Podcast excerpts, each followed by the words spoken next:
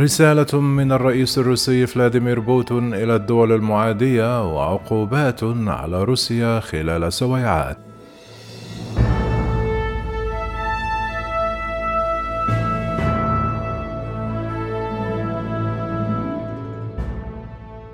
أكد الرئيس الروسي فلاديمير بوتون الثلاثاء أن بلاده ستحرص على مراقبة صادرات الطعام للدول المعادية وذلك بسبب أزمتي الغذاء والطاقة اللتين اجتاحتا العالم بسبب العقوبات الغربية المفروضة على موسكو عقب اجتياحها أوكرانيا.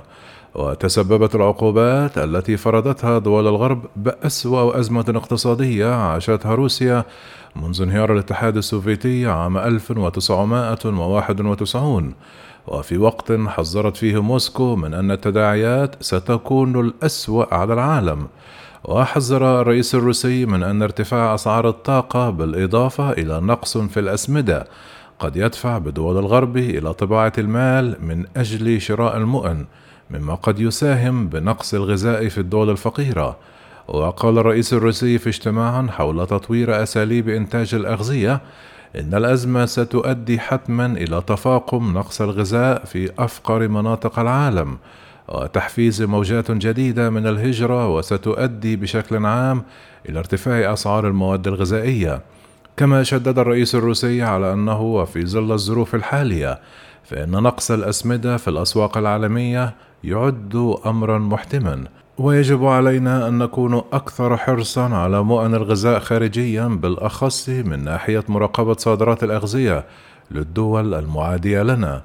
كان أحد المقربين لبوتين قد حذر الأسبوع الماضي من أن روسيا قد تحد من صادراتها الزراعية لتشمل الدول الصديقة فقط وتعد روسيا أكبر مصدر للقمح في العالم حيث تصل منتجاتها أساسا إفريقيا والشرق الأوسط كما تعد منتجا رئيسيا للأسمدة التي تحوي الفوسفات والبوتاس والنيتروجين وهي عناصر أساسية لتغذية التربة.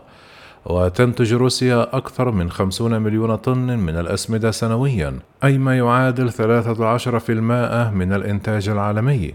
كما أشار الرئيس الروسي إلى أن العقوبات أعاقت طرق تسليم الأسمدة من روسيا إلى بيلاروسيا بينما تسبب ارتفاع أسعار الغاز الطبيعي برفع كلفة الإنتاج الغربي للأسمدة. وفي تحذير للدول الأوروبية قال الرئيس الروسي أن موسكو سترد على أي محاولات لتوطين الأصول الروسية واصفا تلك التصرفات بأنها سلاح ذو حدين. وأتت تصريحات الرئيس الروسي بعد يوم من إعلان ألمانيا سيطرتها على غاز بروم جرمانيا وهي شركة تشرف على الإتجار بالغاز وتخزينه ونقله. والتي أعلنت شركة غاز بروم التابعة للحكومة الروسية تركها يوم الجمعة الماضي. كما ذكرت وكالة رويترز أنه من المرجح أن تعمل الحكومة البريطانية على تشغيل عمليات غاز بروم في بريطانيا. وفي البيت الأبيض أكد مصدر في إدارة الرئيس الأمريكي جو بايدن أن الولايات المتحدة والاتحاد الأوروبي ومجموعة السبع سيعلنون عقوبات إضافية ضد موسكو غدا الأربعاء. تشمل حظر جميع الاستثمارات الجديدة في روسيا. وقال المصدر الذي رفض ذكر اسمه أن العقوبات الجديدة ضد روسيا ستشمل مؤسسات مالية وشخصيات سياسية وأفراد عائلاتهم. تأتي العقوبات الجديدة بعد حديث الأمم المتحدة عن أدلة موثقة عن استخدام روسيا القنابل العنقودية المحظورة دوليا في مناطق سكنية. إلى جانب ما ظهر من فظائع في بوتشا وماريبول وخاركيف وغيرها ما قد يرقى إلى جرائم حرب وذلك بحسب المنظمة الدولية وهو ما يلقي ضغوطا على عاتق وزراء الاتحاد الأوروبي المجتمعين في بروكسل لتوسيع نطاق عقوباتهم ضد روسيا. ويدرس الاتحاد الأوروبي أيضا فرض عقوبات جديدة على روسيا تطال الفحم والنفط الروسيين وإغلاق موانئ دول الاتحاد أمام السفن الروسية ويشكل اقتراح المفوضية الأوروبية تضمين صادرات الفحم الروسية التي تضر أربعة مليارات يورو سنويا بالعقوبات. فاتحة توجه أوروبي جديد نحو استهداف قطاع الطاقة وإن كان الطريق نحو إغلاق صنبور الثروات الضخم الذي تجنيه روسيا من أوروبا لا يزال طويلا. وحتى الساعة لم يتبين الاتحاد الأوروبي أو أي دولة عضو فيها بخيار حظر السفن الروسية باستثناء المملكة المتحدة في مطلع مارس المنصرم.